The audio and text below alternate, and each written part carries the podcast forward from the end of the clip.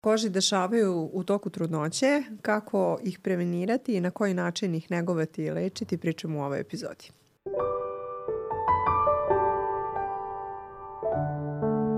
Ono što moramo da znamo jeste da kada je žena u drugom stanju, koža kao i ceo organizam trpi određene promene. E sada, što se tiče konkretno kože, ono što svi negde treba da, da shvate da koža zaista postaje dosta suva. Znači čak i osobe koje su inače imale masniju kožu ili su ne znam sklone aknama i tako dalje, koža čitavog tela postaje dosta suvlja zbog uticaja hormona. A, tako da redovna nega kože, odnosno korišćenje emolijentnih sredstava za negu kože je neophodna od prvog dana trudnoće. Što više odmiče trudnoća, to je koža sve suvlja. Jeste. E sada, ono što ćemo mi danas da obradimo jeste ta neka kožna stanja, odnosno oboljenja koje mogu da se pogoršaju za vreme trudnoće. Pa tako, na primjer, uh, ajde negde, uh, najčešće je, uh, sad ja odmah sam do duše skočila na oboljenja. Da, nisam, da, da. nisam pričala o nekim opštim promenama na koži, to možda možemo posle, da, ako da. hoćeš.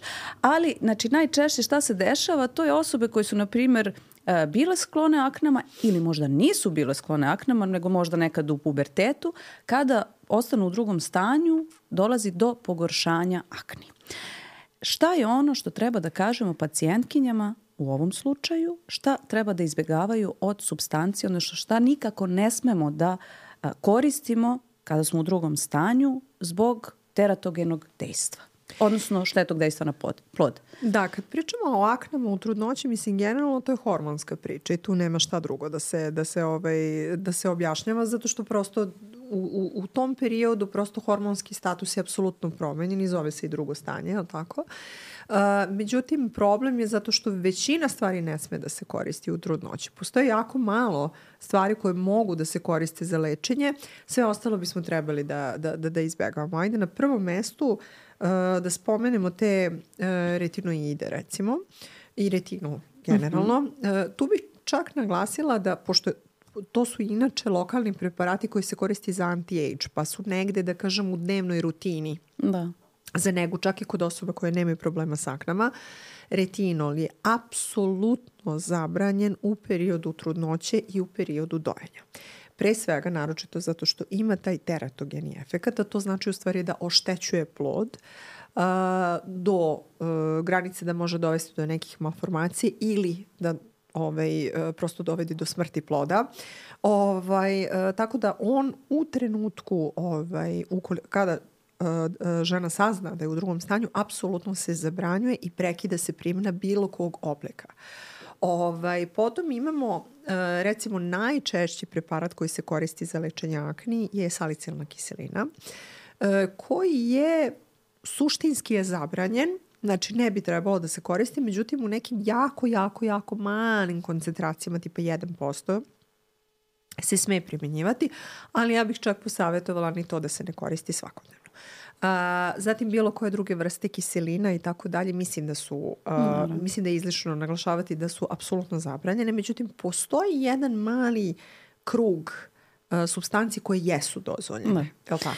E sad samo bih dodala, znači, kada pričamo o retinoidima, nismo spomenuli, sad pričamo samo o lokalnoj nekoj primjeni i tako dalje, ali uvek treba da znamo da se akne leče i nekim sistemskim preparatima, znači izotretinoin, uh, Aknovaro, Akutan i tako dalje, sad po različitim, ovaj, pod različitim imenima zaštićenim se ovaj, da. ljudi znaju da, da postoji. I apsolutna, znači kontraindikacija za korišćenje ovog uh, leka uh, jeste drugo stanje, odnosno trudnoća. I isto tako tetraciklini, koji tako su je. uglavnom negde prva, druga linija ovaj, u lečenju, u terapiji akni, apsolutno kontraindikovano u jeste, drugom stanju. Jeste, kad se pričamo o opštoj terapiji, I da. jeste. A što se tiče još lokalne terapije, adapalen, odnosno sona, isto tako. Sintetski, isto da. je u pitanju retinoid. Tretinoin, isto je u pitanju retinoin e, tretinoid, ovaj, uh, retinoid. Da. Uh, znači, generalno, sve sad ovo što si ovaj, nabrojala, da, definitivno to. A, a ono što smo pričali o dozvoljenim substancama, da to je azelaična kiselina i benzoil peroksid. Jeste. Znači, to je nešto što zaista sa sigurnošću osobe koje imaju problem a, sa aknama u drugom stanju smeju da koriste i to će dermatolog naravno propisati ukoliko je neophodno nakon pregleda. Da. Postoji čitava plejada nekih magistralnih preparata koje mi znamo, Da. ovi koji su dozvoljeni u trudnoću, to su one neke miksture i tako Jeste. dalje, koje mi možemo da dajemo i koje smo bezbedni, ali zaista je potreban taj pregled da Mhm. bi se, da bi se to, ovaj, da kažem, ordiniralo prema potrebi same kože. Jeste nama sužen krug Da. terapijski opseg koji možemo da dajemo trudnicama, ali ništa nije zaista nešto što, što, što ne može da se uh, reši i evo imamo neke od stvari. Generalno čak i što se tiče oralne terapije kod trudnica, Jeste. ovo što si navela sada od terapije apsolutno zabranjeno.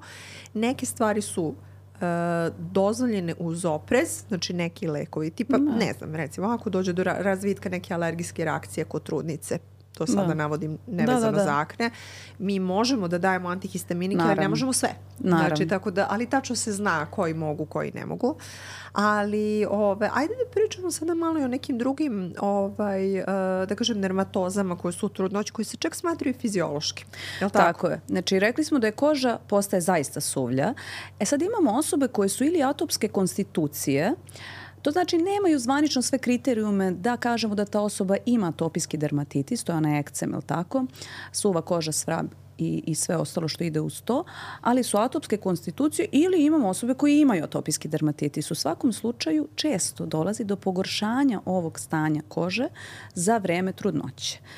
I onda već kad si, da se nadovežem na antihistaminike, vrlo često mi propisujemo trudnicama a, antihistaminike kako bismo sprečili taj začarani krug a, češanje svrab češanje Jeste. koje dodatno pogoršava stanje na koži i naravno dajemo određene čak i kortikosteroidne preparate za lokalnu upotrebu, Da. a, čak i trudnicama. Ovo, ovo sad pričam na ovaj način zbog kortikofobije koja je, da. postoji. A, ali opet ponovit ću, kontrolisano, na određeni način, uz emolijentnu terapiju. Tako je. Mislim, čisto da, da naglasimo, kortikosteroidi su bezbedni u trudnoći, ali Tako ne, ne, kao i u svim ostalim stanjima, nikako nekontrolisano i nikako bez lekara koji će malo to pratiti. E, čisto da naglasim, trudnicama mogu da se daju i oralni kortikosteroidi ukoliko Jeste. situacija to zahteva, jer zna se u kojim dozama je on bezbedan, u kojim dozama apsolutno nema nikakav efekat na plod, a ima efekat da pomogne i da reši neko stanje koje je, da kažem, malo rizičnije i za majku pa i za sam plod. I to, evo, Naravno. samo sam sada spomenula kožne. Yes. Ovaj, U slučaju, na primjer, neke ozbiljnije alergijske reakcije, Tako urtikarije je, tako i je. tako, anafilakse, ne da, Bog, i mislim, tako dalje. Imamo čak i, mi imamo čitav spektar bolesti koji su specifične za period trudnoće. To su, da kažem, i neke malo teže dermatoze. Naravno. Većina može, mora da se leči čak i hospitalno, odnosno bolnički. Ali generalno to su stvari za koje definitivno ćete doći kod dermatologa. Ali postoje neke promene na koži, kao što si rekla što se tiče suvoće, postoje neke promene koje se e, čak smatraju i obeležjem trudnoće. A to su prvenstveno pojava ovaj, one tamne linije na, na, na, na stomaku. To je u stvari kao jedna hiperpigmentovana, jedna tamnija linija koja je onako nasred ove stomaka, kako ovaj, napreduje trudnoća, tako postaje sve tamnija. Sa završetkom trudnoća ona polako bledi, Bledi, i nestaje. I to je u suštini smatra se potpuno fiziološkom stvari za koju znamo da će nastati, za koju znamo da će proći. Postoji još jedna stvar, a to je da areola, odnosno bradavice kod žene isto postaju i izraženi i postaju tamnije. I to Tako je u stvari priprema i same bradavice, odnosno areole na e, laktaciju, odnosno na dojenje ovaj, e, bebe. Međutim, kad smo već evo kod pigmenta, e, postoje ona najčešća dermatoza koja je baš onako e, poznata. Yes. I zove Ovaj, se maska, I zove se maska, maska trudnoće. trudnoće, da. Tako je. To je čuvena melazma o kojoj smo pričali i pričat ćemo i dalje. E, u suštini stvarno ona je dobila taj neki naziv maska trudnoće. Ona je suštinski, e, da kažem, kontrolisana ovaj, tim nekim hormonskim statusom koji se dešava ovaj, u periodu trudnoće. I naravno da nije nastala sama od sebe, naravno da je nastala u kontaktu sa ovaj, sunčevim zracima.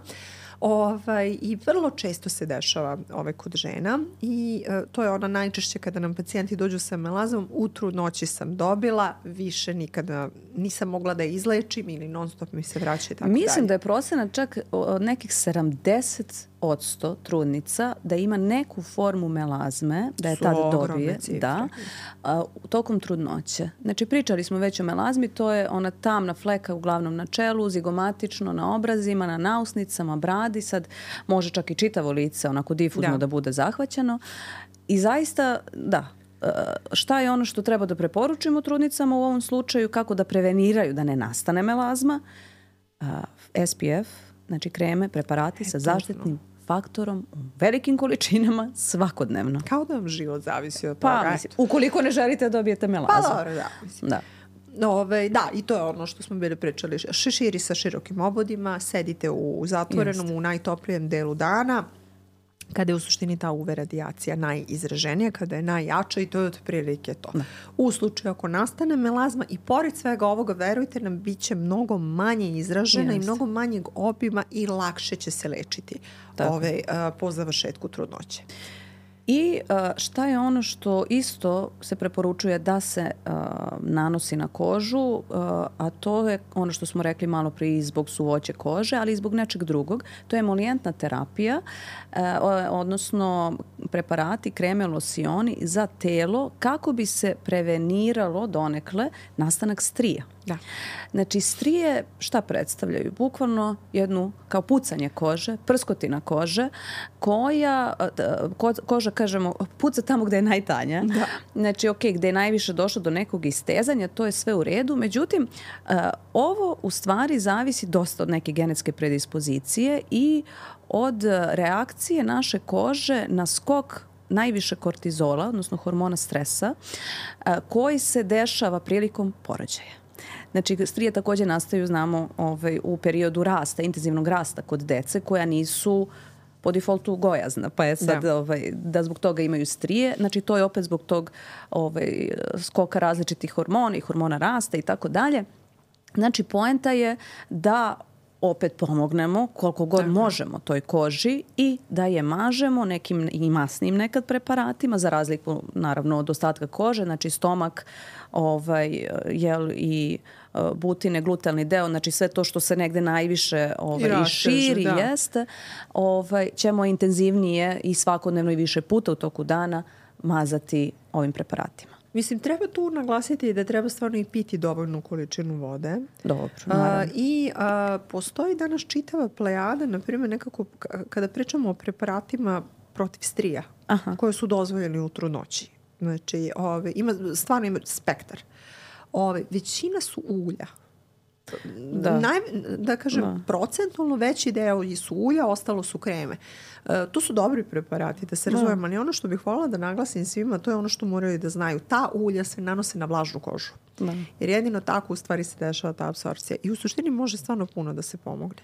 I da se povede samo računa da se, kad je, ne znam sad, formulacije različite da ovaj, ulja postoje, da ne dođe do nekog folikulitisa. Dobro, da, da, Tako da. da- Ove, ali generalno ako nemate Kombinacija problema neka, sa time, da. tako je, tako je, tako je. Mislim, stvarno ima, ima dobrih preparata, ima i loših preparata, ali generalno dobrih preparata ima i oni su u apotekama i, ove, i mislim da može tu dosta da se pomogne zato što pričamo o ishrani kože, ništa, ništa nešto više. Tako. Ali suštinski ja mislim da je ovo što si ti rekla emolijantna krema Jest. I počet će i završit će ovaj, celu Samo je priču poenta vezano da se koristi. Redovno. Dakle, nismo spomenuli kupanje uljanim kupkama koji neće preterano isušivati kožu, a čistit će je. Emolijantna terapija za čitavu kožu. Ukoliko dođe do nastanka aknje, obratite se dermatologu. Da, obavezno. A, određeni lekovi Štiti se su... od sunca. Jeste, Zbog o, hiperpigmentacija. obavezno. I nismo spo- spomenuli jedno stanje, a to je, na primjer, u slučaju herpes virusne infekcije u predelu porođenog puta, na primjer, ili herpes zoster virusne infekcije, kada je, znači i u jednom i drugom slučaju neophodno ordinirati aciklovir. Nismo to spomenuli, da je opet to, ukoliko je vaš lekar procenio da vam je je. neophodno a, da vam ordinira aciklovir, molim vas, poslušajte ga, nemojte na svoju ruku ne uzimati lek. Tako je. I to je takođe jedan lek koji je siguran kada se daje na određeni način. Jeste. Tako da mislim da su ovo najčešće stvari, ove što se tiču trudnoće ove, i tih nekih kožnih promena. Da, i da smo objasnili ljudima neke nedoumice da kortikosteroidi, ukoliko se koriste i u opštoj terapiji, u lokalnoj, nisu dramatični, iako je u pitanju drugo stanje, da antihistaminici... Samo kontrolisano. Jeste, da, da antihistaminici znači, pod lekara. nisu nešto što ne sme. Ono što sigurno ne sme, to jeste izotretinoin i sve ostale vrste retinoida.